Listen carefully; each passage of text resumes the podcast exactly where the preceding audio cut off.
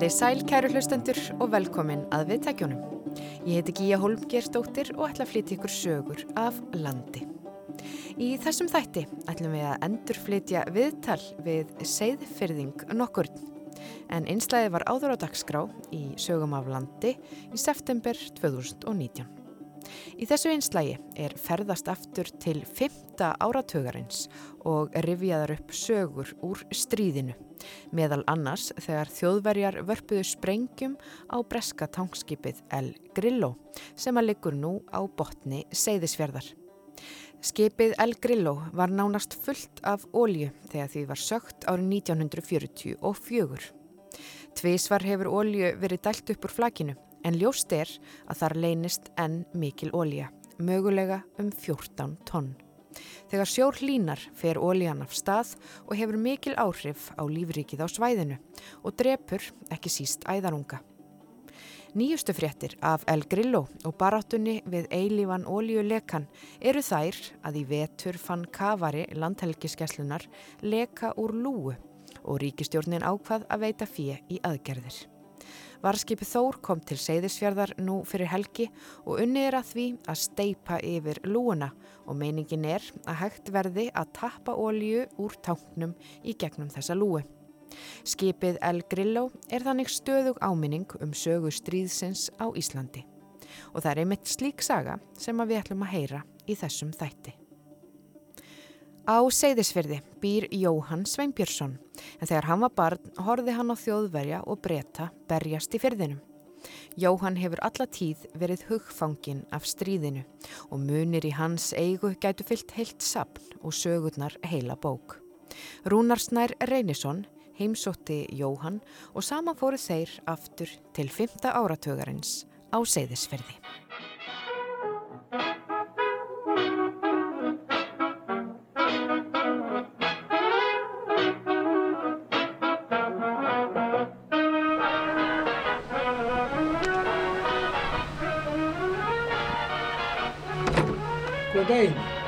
Gjörðu svo vel.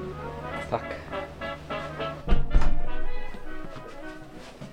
Það var óskaplega mikið um að vera fyrir okkur strákana. Mikið í kringum hermennina, oft hjá þeim í, í skálunum, bröggunum. Nú eignuðus líka kunningja.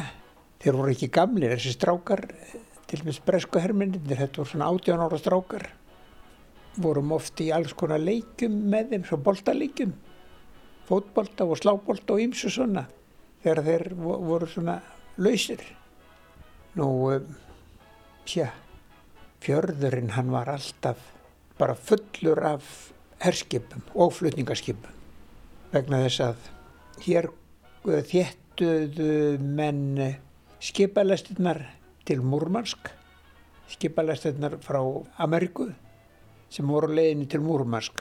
Þess vegna var alltaf fullt af herskipum líka, alls konar sko, tundurspillum, orustuskipum, kavbátum, beitiskipum og nefndu það bara. Ég man eftir Georg Fymti, stóra breska herskipið, ég man eftir því hérna. Og það hefði fengið tundurskeiti á, á skalsi stefnið. Svoleiðis að neðri hlutin af stefninu hann var alveg tættur frá. Svo man ég eftir, ég man ekki hvað það skip hér, mjög stórt skip. Það hefur sennilega verið flutningarskip og það var bara reynlega gati í gegnum það, bara mitt. Nú það voru alls konar hólfi í þessum skipum sem þeir gáttu þétt þetta svolítið þessu sökku ekki. Segð okkur aðeins frá þessum skipalæstum, þær voru að leiðin til Múrmansk, hver var tilgangurinn með þessum skipalæstum? Já þær voru að flytja hergögn og vistir til, til Rúslands, til rúsnesku hermannuna.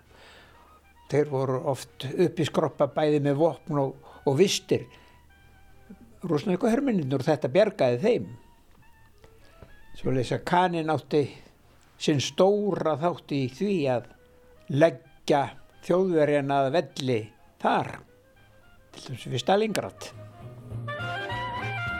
Já sko hér lág oljuskipi í fyrðinum eða dældu olju yfir á herskipin. Þau komu mjög oft hinga til þess að taka olju, tundurspillarnir til dæmis maður, já já maður eh, þekkti það allt saman. Það voru stundum oljuskip skip með í, í ferðinni til Múrmansk. Og, en e, það það óskaplega afföll oft í þessu skipalestum þjóðverðinu voru með kabatona og söktu mjög mörgum skipum. Þú ætlaði að spyrja vel um Grilló. Jú, það passar. Tankskip, það kemur hérna haustið 1943 ekki satt, kemur þetta til sverðaðins? Jú, það kom haustið, El Grillo kom haustið 1943 Nú, og, og það lág hérna og, og, og skaffaði ólju á, á bæði herskip og flutningarskip. Síðan er það 10. februar 44.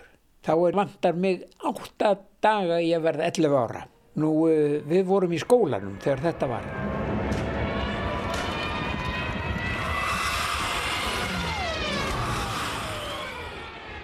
hún kom klukkan 11 eða flugvélarna komu klukkan 11 þær komu hér eh, yfir eh, sandtólatindunum flugu þar inn með en beigðu svo snögt til vinstri þegar þær komu á mótsviði sem við kallum hrútahjallan sem er ysti hlutin af bjólfinum og stiftu sér þar niður sko. þetta var þvert á fjörðin sko.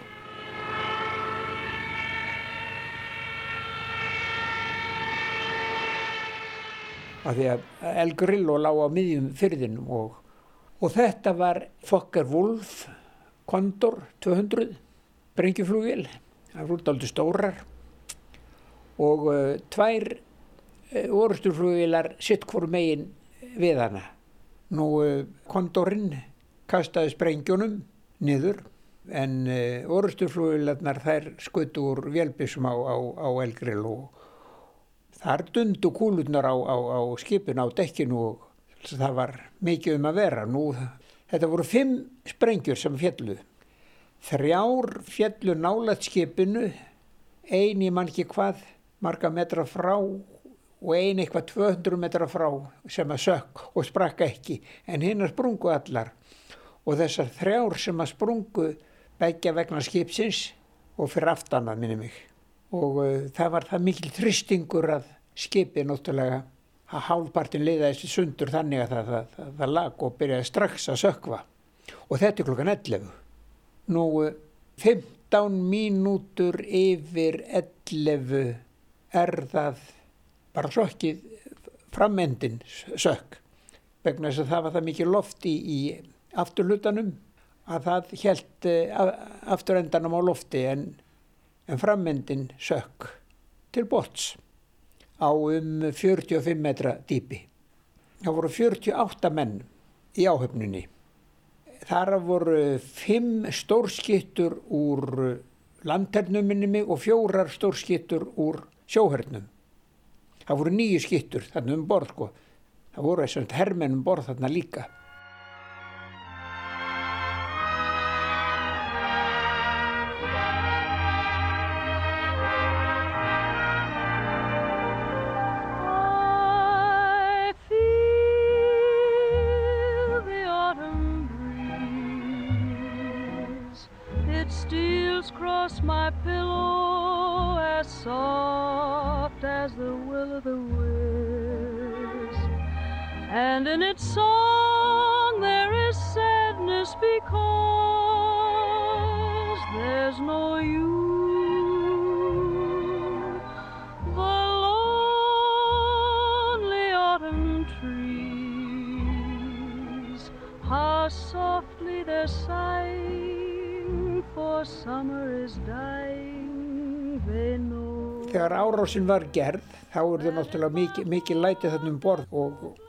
já, mikið hristingur vegna þess að menn duttu um koll við þetta. Einn skittan eh, mittist á öðrum vanganum manni eftir. Hann var með umbúðir þegar þeir komu í land.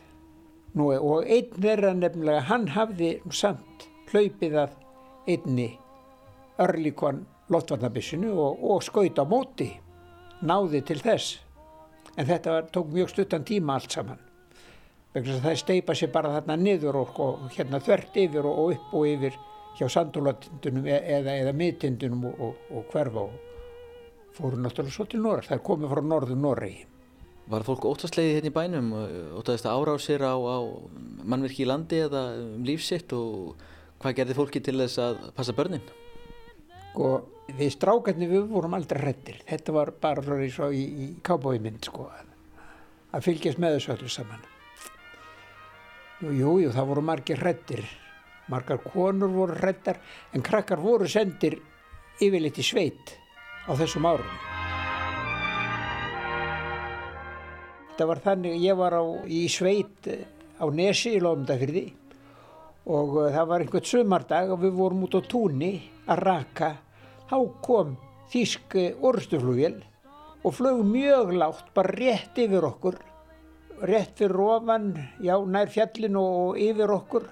Og þeir flugu þarna nokkra hringi um, um Lófndafjörð og kom alltaf yfir okkur þannig þar sem við vorum á túninu. Og þeir veifuðu okkur og við veifuðum þeim á móti. Þegar hún hefur flogið yfir stakkalíð flugvélinn þá hefur auðvitað verið ringt þaðin yfir í herrstjórnina hér á Seyðisfyrði og það hefur liðið sérlega klukkutími. Þá kemur varðbátur, breskur varðbátur með hermenn og stóra vélbissu sem þeir skipuð á land þarna í hundavoginum hjá Nesi og upp á tún þarna hjá okkur og settu vélbissuna upp og ég man alltaf eftir hvað þeir voru reiknir og klöppuðu á vélbissun og sögðu nú geta þeir komið, sögðu þeir. Flugvílinn farin fyrir meirinn klukkutíma líklega.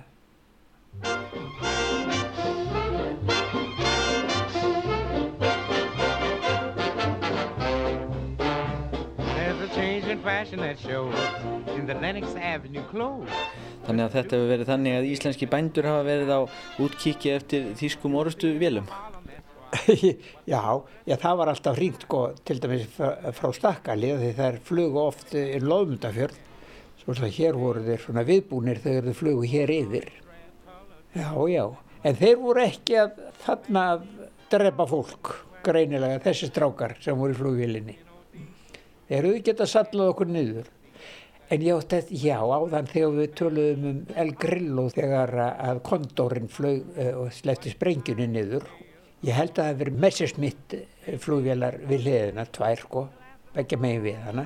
Það er skutt úr vélbísum og mér fannst þetta svolítið sniðut vegna þess að það er ekkit langt síðan þegar ég gekk upp í tvísöng, þú veist hvað tvísöngur er, og akkurat þegar ég leitt þangað yfir þá sé, sá ég það að húsið okkar, það var akkurat í skotlínunni.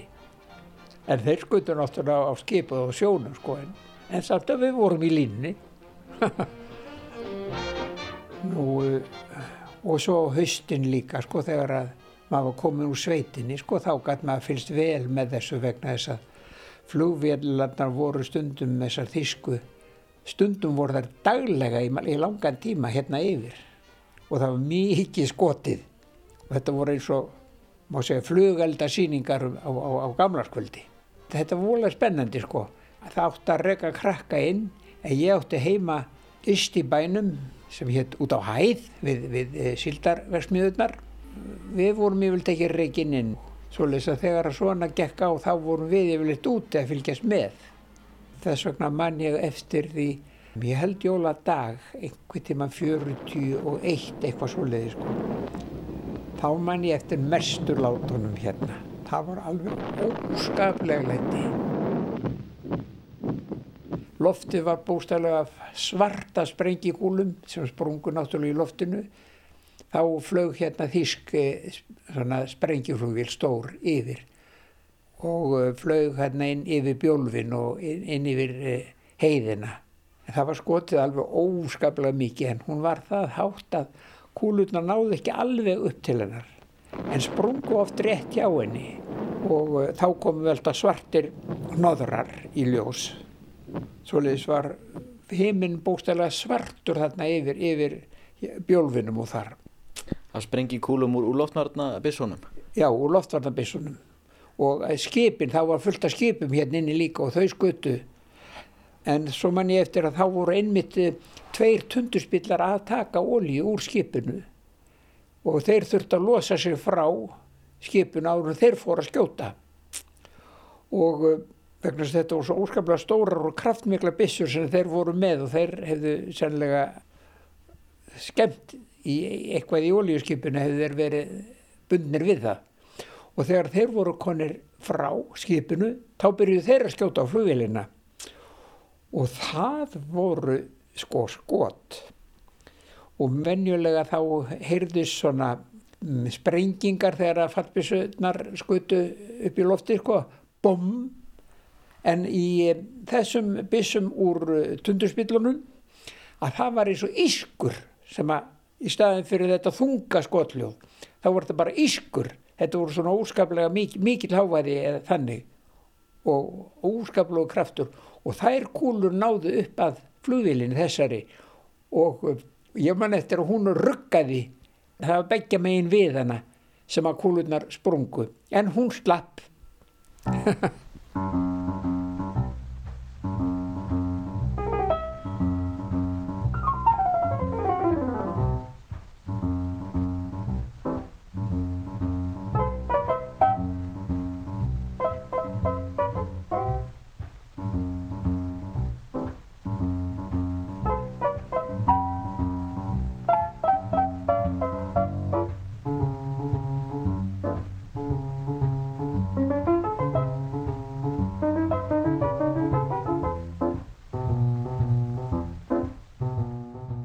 náðu þeir aldrei að skjóta eina flugvél niður hér yfir seðsfyrði? Þeir, mér sko, heldu að þeir hefðu skotið flugvél niður, mann ég eftir. Og það var nokkur sinnum vegna þess að þegar að þeir heldu að þeir hefðu skotið niður flugvél, að þá fenguður held ég að þeir held að hefði romsjús og þá var gleðskapur hjá hermönunum. Ég man eftir að þeir, þær flugu venjulega hérna inn með inn með bjólfunum og inn yfir heiði og komið svo hér út uh, söðurfjallið og uh, hurfu á bakvið stratatindin. Og ég man eftir flugvélum sem að logaði aftan úr þegar þær voru að uh, fara út með stratatindunum, bakvið stratatindin. Þá held ég að brettarnir eða kanarnir hafi haldið að þeir hefðu skotið þeir niður en svo fréttum að setna þjóðverðarnir hefðu verið svo helviti sniður, þeir hefðu hleyptu einhverjum eldi aftan úr sér til þess að, að láta þá hætta að skjóta.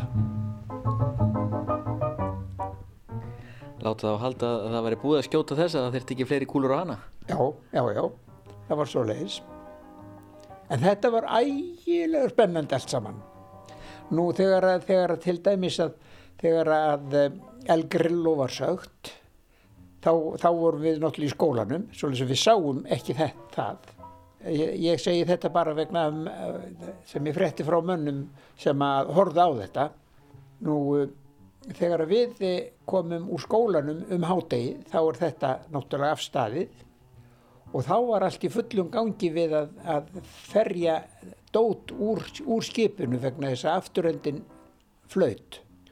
Og þá sá ég einmitt e, e, þennan sem að hafði særst á, á vonganum. Það, það var einn skittan.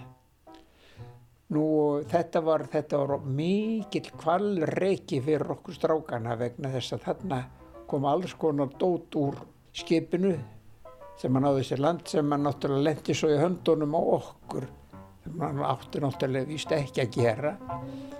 En þetta voru spennandi hlutir og það var einna vinsælast var, voru stóra rækettur sem var hægt að halda á. Það voru játn hólkar einu og hálf tomma í þvermál get ég trú að þær voru fullar af, af, eh, af ljósum sem maður gæti skotið. Mér minnir mig átta ljós sem sko, var skotið úr þeim. Og þessar rækjettur notuðu við meðan það endust við að vera í bardugum sjálfur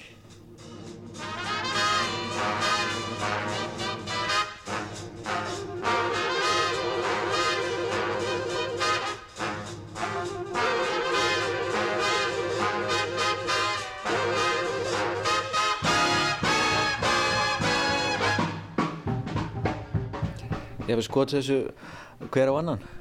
Já, þá var skipt, skipt lið og þá var farið í, í, já, bara í skjól og skotið á milli.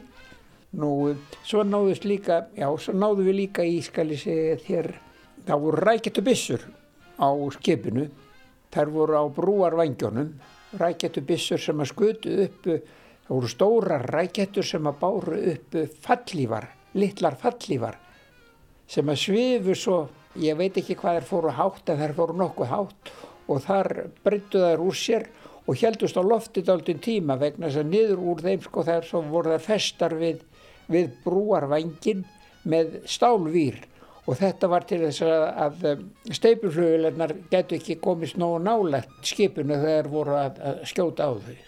En það gatu þeir ekki þegar þessum, þessum rækjendum var skotið upp. Og þessar fallívar komið mjög vel fyrir okkur strákana. Við náðum í, mörg stykja þessu úr þessum byrðun sem var skipað í land. Og við leikum okkur mikið með þessar fallívar. Þar voru notað til þess að stökka ofan af húsþökum svífa niður það tók ekki tvoðalega mikið högg af manni og stundum þá þöndust þær ekki út svolítið sem að koma illa niður það er ein, ein mynd til manni eftir af yngva svafarsinni frænda mínum svífandi í svona fallíft þar sem hann er að stökka af, af skúr En svona uh, alvara stríðsins, urði var hérna eitthvað við alvöru stríðsins? Já, til dæmis 42, 5. september 42 þegar að uh, Þískflögvél kastaði sprengju á, á strákana fjóra sem auðvitað fyrir henni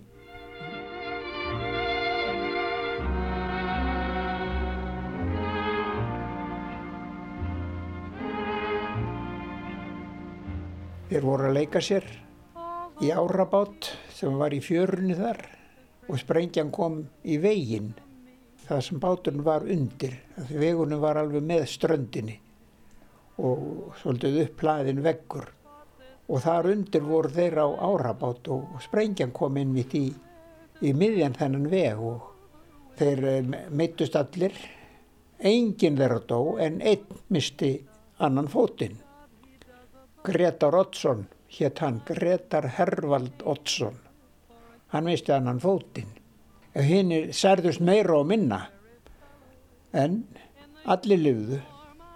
Þetta var daginn sem að þeir voru nefnilega að yfirtaka, kaninn var að yfirtaka her, vendina hér á Seyðisfyrði af brettum og það er eins og, og þjóðverðinir hafi vitað þetta vegna þess að skipulagið var ekki, það var ekki árið nógu gott.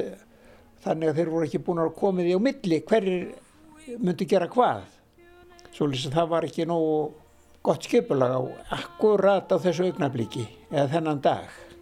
Það er eins og þjóðverðinir hafi vitað þetta. En hvað verður svo um El Grillo? Það er sokkin annar endin en hinn stendur upp úr. Og hvað gerist næst?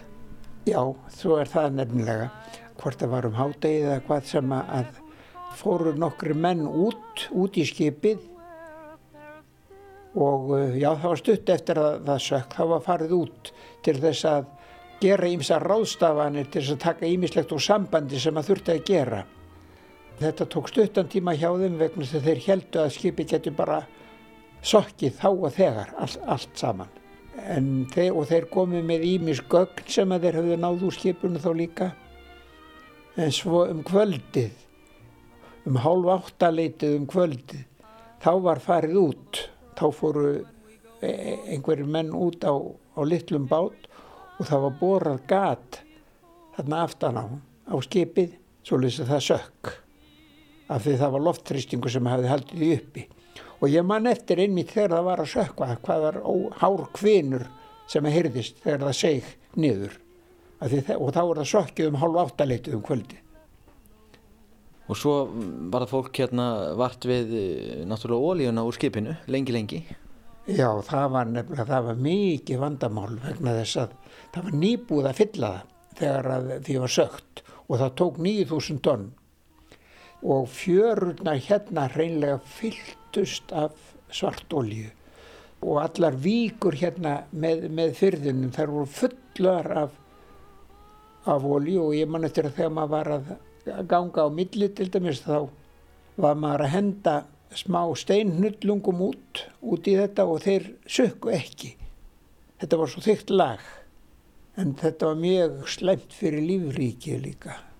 Nú og við strákarnir vorum náttúrulega alltaf að bera tjöru heim í, í húsinn þetta var óskaplega óvinnselt okkur var bannað að ganga fjörðnar en það þýtti náttúrulega ekki nú þess vegna er það til dæmis að, að það er enþá ef að þú stingur niður skóplu í, í fjörunni hérna þá getur komið niður á tjöru lag en það er ekki nóg með það sko að 1952 þá náðu þeir upp, þá var hann Grímur Esterói, mjög fær kafari og hann, já það var færi yngur og hann var eh, sendur hérna niður og þá náðuðust upp 4500 tonn. Nú ég veit ekki hvort þeir hafa haldið að þeir varu búin að tæma þetta en, en það held svo áfram að koma upp ólíja hérna, svo leiðis að 2001 2001 þá heldu þeir að þeir hefði verið búin að endarlega tæma þetta. Þá náður eh, það var eh, norst fyrirtæki sem að sáum þetta og þá náður upp 100 tónnum heldu þeir var búin að, að, að hreinsa þetta. En þetta er enn það er ennþá að koma ólíja bara mikið og það er mikið fuggladauði í fyrðinum núna einmitt núna svo leiðis að að það verður eitthvað að gera. Ég veit að bærin hann er búinn að, að byggja um einhverja aðstóð til þess að, að eh, hefta þetta og ég veit ekki hvernig það hefur gengið en, en þetta er mjög slæmt og uh, núna þá líka dauðir kolluungar í hrönnum út á sjónum. Svo leiðis að það verður eitthvað að gera. Akkur ekki hægt að bjarga þeim eins og grindakvölum. Mm. Ef að grindkvalur er að stranda þá er sendur út björgunarleðangur en það er engin björgunarleðangur til þess að björga fugglónum sem að deyja í tugatali ef ekki hundraðatali í fyrðunum í dag. Þetta er slæmt. Það verður að gera eitthvað. Þetta er, þetta er eh, hluti af náttúruvernd.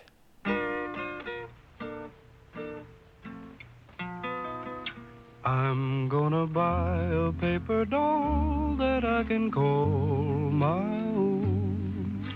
A doll that other fellows cannot steal. And then the flirty, flirty guys with their flirty, flirty eyes will have to flirt with dollies that are real. En hvernig laug svo veru hersins hér á Seðisfjörði? Hvenna fór herrin svo að pilla sér hérðan? Hann var að mestuleiti farin held ég bara 45 vegna þess að þá var að vita hvernig stríði myndi enda og, og, og þeir voru sendir eh, í innrásina í Normandi. Nú það náðust upp nokkra bissur úr Elgrillo. Garrettinn sem er eh, fjórpundar minni mig, já hann náðist 1985 svo setna þá náðist e, Vickers eitthvað heit, heitir Stórabissan sem við erum með í geimslu núna stóra, stórt, mjög stórt bissulhupp og býður eftir að það verði bara gert upp og, og við getum við búist vegna þess að ekki veitir af núna hmm. nú það, vor, það náðust nokkrar örlikon uh, lofþarnabissur og við eigum eina sem við setjum upp hérna, setjum saman við, við hátilegtækjafæri. þá voru, skal ég segja þér, 20 mm skot í örlíkonin. Það voru svona, já, velbissur, lottatabissur. Já, nokkuð skot í það. Svo sem ég á hérna dálítið slatt af, af diskum úr elgrill og, og dálítið mikið af skotum á eitt fallbisskott stort úr vikarspissinu. Og ertu tilbúin að hleypa því af ef þörf grefur? Nei, ég tími því ekki vegna þess að það er eina skoti sem er til og þá er það farið. Ég tími því bara ekki.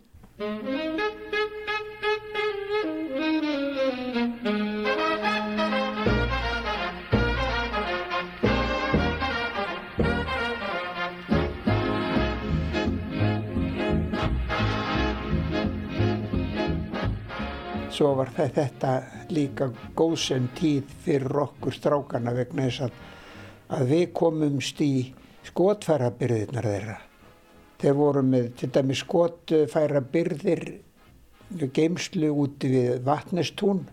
Mikið stórgríti þar í kringum ennan skúr og við gáttum læðist þar upp og skildum okkur á bakvið steinana að það var alltaf vörður við skúrin og hann gekk dátti langa leið út eftir og inn eftir. Og eftir sem að á hans förðum stóð þá gáttum við fært okkur á milli steina alveg upp af þessu geimslu og þegar að var tækjafæri þegar þegar hann var snýri baki okkur nýkominn framhjá til dæmis og við konum nú nálægt að þá komumstu við inn vegna það mátti aldrei læsa, það mátti ekki læsa hurðunum eða dyrunum á, á þessu sprengju geimslum vegna þess að það þurfti að grípa til þess í, í snar hasti þegar flugvelarna komu. Og þarna náðum við í nóg af skotum, alls konar skot. 303 í bresku herriflana 9mm lúkar skambisskot og ég verð stór 22 kalibera skot. Og þarna fylgdum við okkur og, og, og skriðum svo út sko. Þetta var, þetta var eins og í kábúðmynd, þetta er svolítið útrúlegt. En aldrei voru við nappaðir. Og svo notum við þessi skot við að ná púðrin úr, úr þessu, settum púðrið stundum í matarílátin þeirra, þeir voru með matarílát eh, sérstök sem við vorum náttúrulega búin að stela. Og hálfyldum þetta af púðri og, og röðum í þetta skambisskotunum þá bara skelltu við eldspítu ofan í þetta og annari dollu yfir þetta svolítið þetta var lokað. Og svo eftir svo lilla stund þá byrjaði velbísskotrið inn í þessum diskum. Þetta þótt okkur spennandi. Knellurnar í þessum skotum. Og þær voru notaður við að, við að skjóta í mark með þeim vegna þess að þær lögðum við bara á, á, á stein börðum svo ofan á þetta með botnin með, með öðrum stein og vorum svolítið að skjóta í mark á dunga sem við stiltum. Þetta var það mjög kraftur að, að þær fóru í gegnum dungana. Og heima hjá mér, þetta var nefnilega all, allt og mikið frelsi, heima hjá mér var hlaðið alveg bara fullt af þessum kökkuðu skotum 303 úr, úr, úr Bresku herriflónum. Þetta var eins og ég segi stundum eins og eins og möl möl í kringum húsi þetta var svo, var svo mikið. Hann komið strákar saman eða hann var friður til að að aðtapna sig. Nú hvers er hann hérna út í gardið að þýtur vel í laufinu núna? En grunaði hér en ekkert að það væri einhver að ræna á þeim skotfærum? Ég veit það ekki. Það, við vorum aldrei nappaðir það er ekkit vist að þetta hefur verið neitt gerð neinn beholning eða neitt svoleiðis sko, neinn talning eða neitt svoleiðis.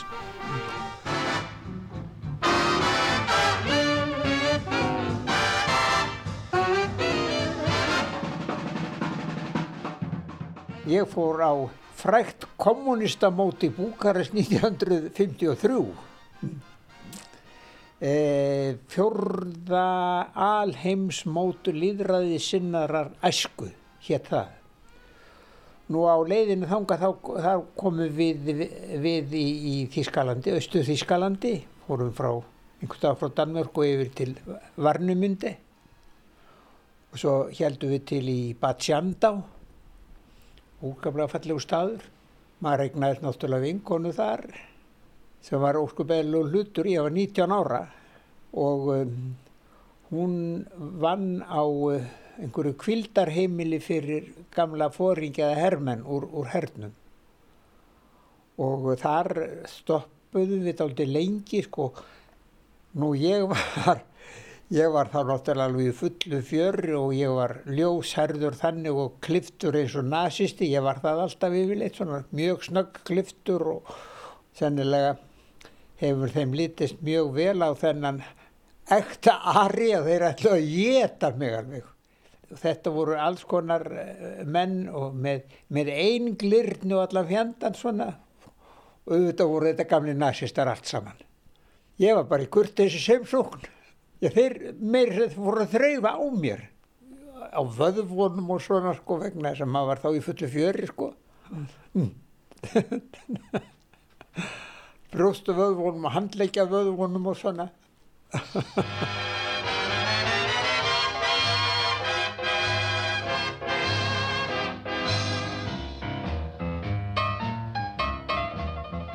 This is the G.I. Jive, man alive. It starts with the bugler blowing reveille over your bed when you arrive. Jack, that's the G.I. Jive. Roodle-de-toot, jump in your suit, make a salute. Þetta, er öllekon. Þetta er starðarinnar eh, drjóli? Já, þetta er, þetta er 20 mm öllekon sko og þetta er sprengikúla. Og hún er, og það er, það er þó nokkuð mikið verk í þessu þó þetta sé lítið stykki. Að þetta var fullt af TNT og hér, hérna í gegn kemur knellan, sko þegar kemur högg á þetta, að þá springur knellan hérna og hún sprengir TNT. Er knellan ennþá virk? Ég veit það ekki. Nei, veistu að ég tæmt þetta allt saman. Ertu búin að prófa að láta þetta á knelluna? Það þarf ekki, ég veit að vegna sem ég, ég svoðið þetta, setti þetta í sjóðandi vatn sko, og þá leysist það upp. En þetta er óskaplega stert springjefni sem ég gerði stundum að, að plokka þetta úr, skafa þetta úr og það var bara örlítið svona smá hrúa svona á, á nögl og ég setti það á dós og kveikti í því og það sprengti gata á dósina. Þannig að það er kraftur í þessu? Ógulegu kraftur. En svo ertu með hérna einhverja, hvað er þetta latína? Þú ert með hérna röða skotum og hvað er þetta latína á vegnum þarna? Hvað er sívís, hvað er þetta endur hana? Já, sívís pacem parabellum og það þýðir að það er á latínu viljiruð frið skaldu viðbúast og þú ert búinn að raða hér upp skotum og, og ætlar að hafa frið. Já, þetta er eh, það sem hefur mótað mann.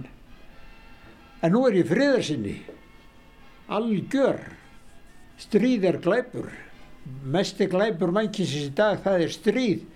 En af hverju stríð? Stríð skapast af græki mannana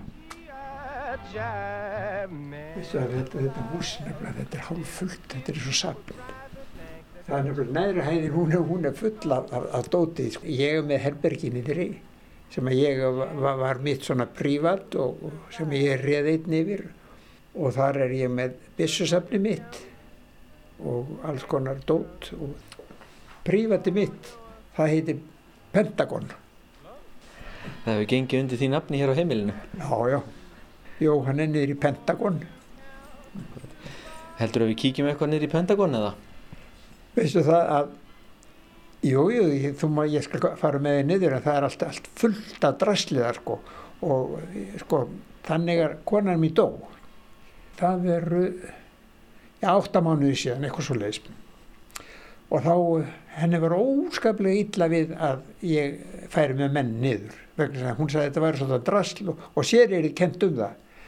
En svo leiðis að þar sem hún er ekki til þess að banna okkur þá skulum við bara koma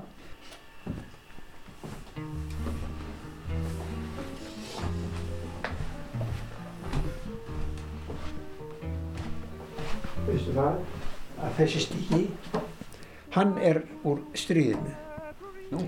já, þetta er Andes skipið sem kom með hermennina hinga 30. júni 1940 þetta, þessi plankar þeir voru notaði til að stífa af stór hergögn og þegar þú voru búin að skipa þeim upp þá var þessu bara fleikt í sjóin og þetta rak á land út við Háubakka og Jóhann Ellerup sem var apotekari hérna þá Hann þretti af þessum spítum eða plöngum og sendi sína húskarla til að sækja þá. Og einhver hafði öfundaðan af, þess, af þessum spítum, vegna þess að spítur voru þá verðmætti eða timpur. Og hann lendi meira að segja þar, það voru einhver reglur um það að það mætti ekki nýta sér herrgós. Og hann lendi fyrir herrjætt í Elverói þar sem herrmenn fóringjarnir voru bygguð. Elverói hérna hennum einn við. Og út af því að hann hefði verið að nýta sér hergós og hann hefði einhvern veginn kæft að sér út úr þessu og fekk að halda þessu og let smíða þennan stiga upp í þetta sem að kalla Dúbnahúsið og sem að Kalli Kvellur var að gera upp á sínum tíma fyrir Svein Ben þegar hann var búin að eignast það, þetta apotekki gamla og var að gera úr því megarskemmu í sambandi við sildarsöldunar, stúrkunnar og Kalli hendi þessu út á blettin hjá þar sem hann var að vinna. Og ég var að koma, fara í matminnum á skrifstofunni einhvern tíman og, og spyr Kalla þannig hvað ætlar að gera með hann stiga? Að því ég sá að hann geti jafnver passaði í þetta að því maður vantaði þá stiga. Þá var ég enn að byggja og hann sagði ekki neitt um að degan og ég róðast með þetta á bækjunu heim og, og, og Elli Rupp, apotekarinn, ég sagði nú frá þessu stiga, hann hefði verið út upp nósum, þá sagði mér söguna af, af þessu, sem ég var að segja. Þess vegna hefur ekki tímt að gera almenlega stiga. Hérna er Pentagon. Og það er náttúrulega fyrst allir hjálmarnir sem að maður tekur eftir? Já, ég á í, já, einu sexi regiment. En byssurnar, náttúrulega, þær eru lokaðir inni, sko, ég, ég, ég maður í skáp. Það er ekki hægt annað, sko. Sjá býtu nú við, sjö. Það er talin að lása á, á, ramheldum skápnum? Já. Nú, sko, hér er svo litið af, þetta er allt herriflar, alls konar, gamlir. Hér eru skambissurnar. Hérna er svolítið merkileg. Þessi gömul, bresk, vebli. Gömlu og þessir yfir hundra ára. Og þetta var notað í stríðinu. Þetta var breskum fóringja. 45 kaliber. Svona með stærstu kaliberum í dag. Sá sem ætlaði að plaffa á þessu, hann ætlaði sér að valda svolum skada. Já, þetta eru Þetta eru stóra kúlur sko. Ádálita skotum í þetta, ég, ég skýt stundum úr þessu. Máttu eiga þessar byssur? Nei, jú, jú, ég, ég er með leiði. Ég, ég fekk eh, leiði sko, það var ekkit erfitt fyrir mig að fá leiði vegna sem ég voru lörglinn og þar tók ég náttúrulega, þar lærði það á skambissur. Var daldu mikið með skambisur á í, landelgist, þegar landelgistriðið var, þá var ég lögreglur og þá voru við oft í tógurum sem voru teknísk og þá voru við, ef var ég vopnað, þetta voru bara kolt, þessi ný, 22 kaliber, skemmtilega byssa. Já, ég var svona vopnaður þegar við vorum um borði í landelgisbrjótum. En nú voru breytar þeir sem að ég, mér líkaði best við af öllum.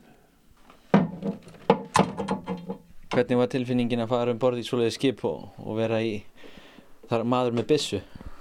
Já, það var sérstætt vegna þess að breytaði voru svo helvíti fínir. Þeir voru svo léttir alltaf. Aldrei stífir eða neitt og bara mjög góður og maður bara uh, drakk te með þeim og var bara félagið þeirra. Mm.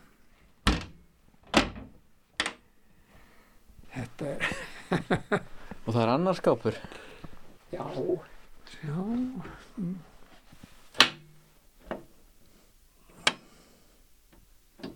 Sko. Sjá. Þannig er annar haugur á riflum? Já, þetta eru, þetta eru allt herriflar. Þetta eru margir mjög, mjög, kannski er svona um, eftirsóti sapgripir, sko. þetta er alveg gamalt og uh, ég sé það á netun þeir, þeir eru mjög, mjög eftirsóttir. Hérna er ég með nefnilega eitt sníðu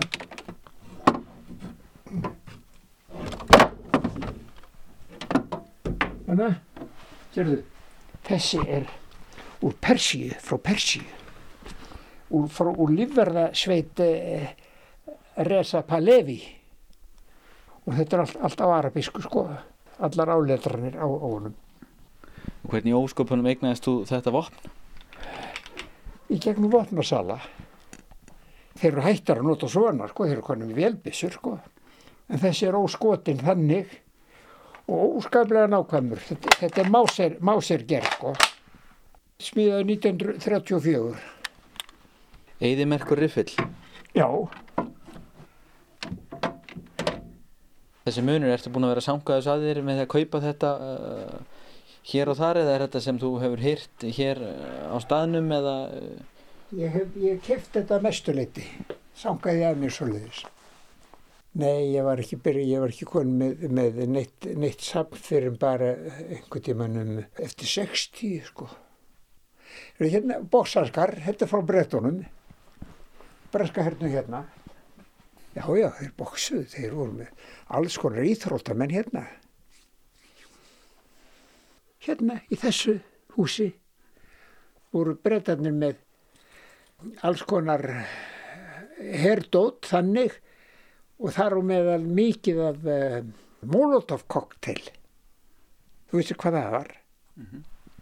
það voru bensinsprengjur. Já, bensinsprengjur. Já, þarna var eh, voðalega viselt svona þegar það var farið að hægjast um hermennina hérna og rótni mjög fáir að þá fórum við strákandi hérna og náðum okkur í þær í Molotov kokteilin og kvektum í þessu og hendu hérna upp í klettana það, það þótt eitthvað gama vegna þá kom óölugur blossi sko þegar að flaskan sprakk.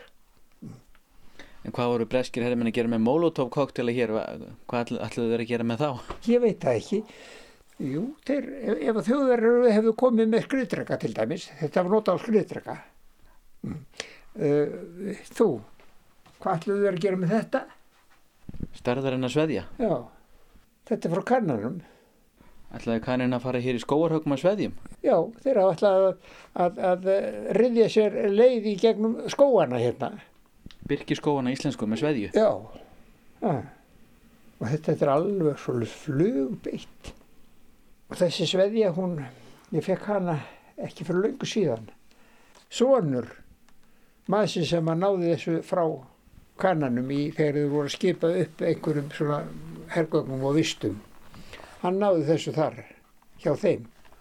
Og þessi maður hann búin að geima þetta allan tíman konan hans hún vildi helst ekki hafa þetta í húsinu svo þess að hann gaf mér þetta. Pýnt að geima þetta hérna í læstum skápi í Pentagon. Já, já.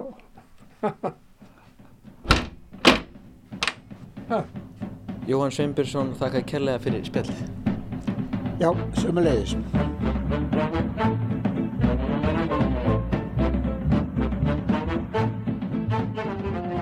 Rúnar Snær Reynisson heimsótti Jóhann Sveinbjörnsson á Seyðisferði sem rifjaði upp sögur af stríðinu og þar með ljúkum við sögum af landi og þökkum fyrir okkur í dag. Tæknimaður í þessum þætti var Martin Martinsson við þökkum þeim sem hlýtu lifið heil.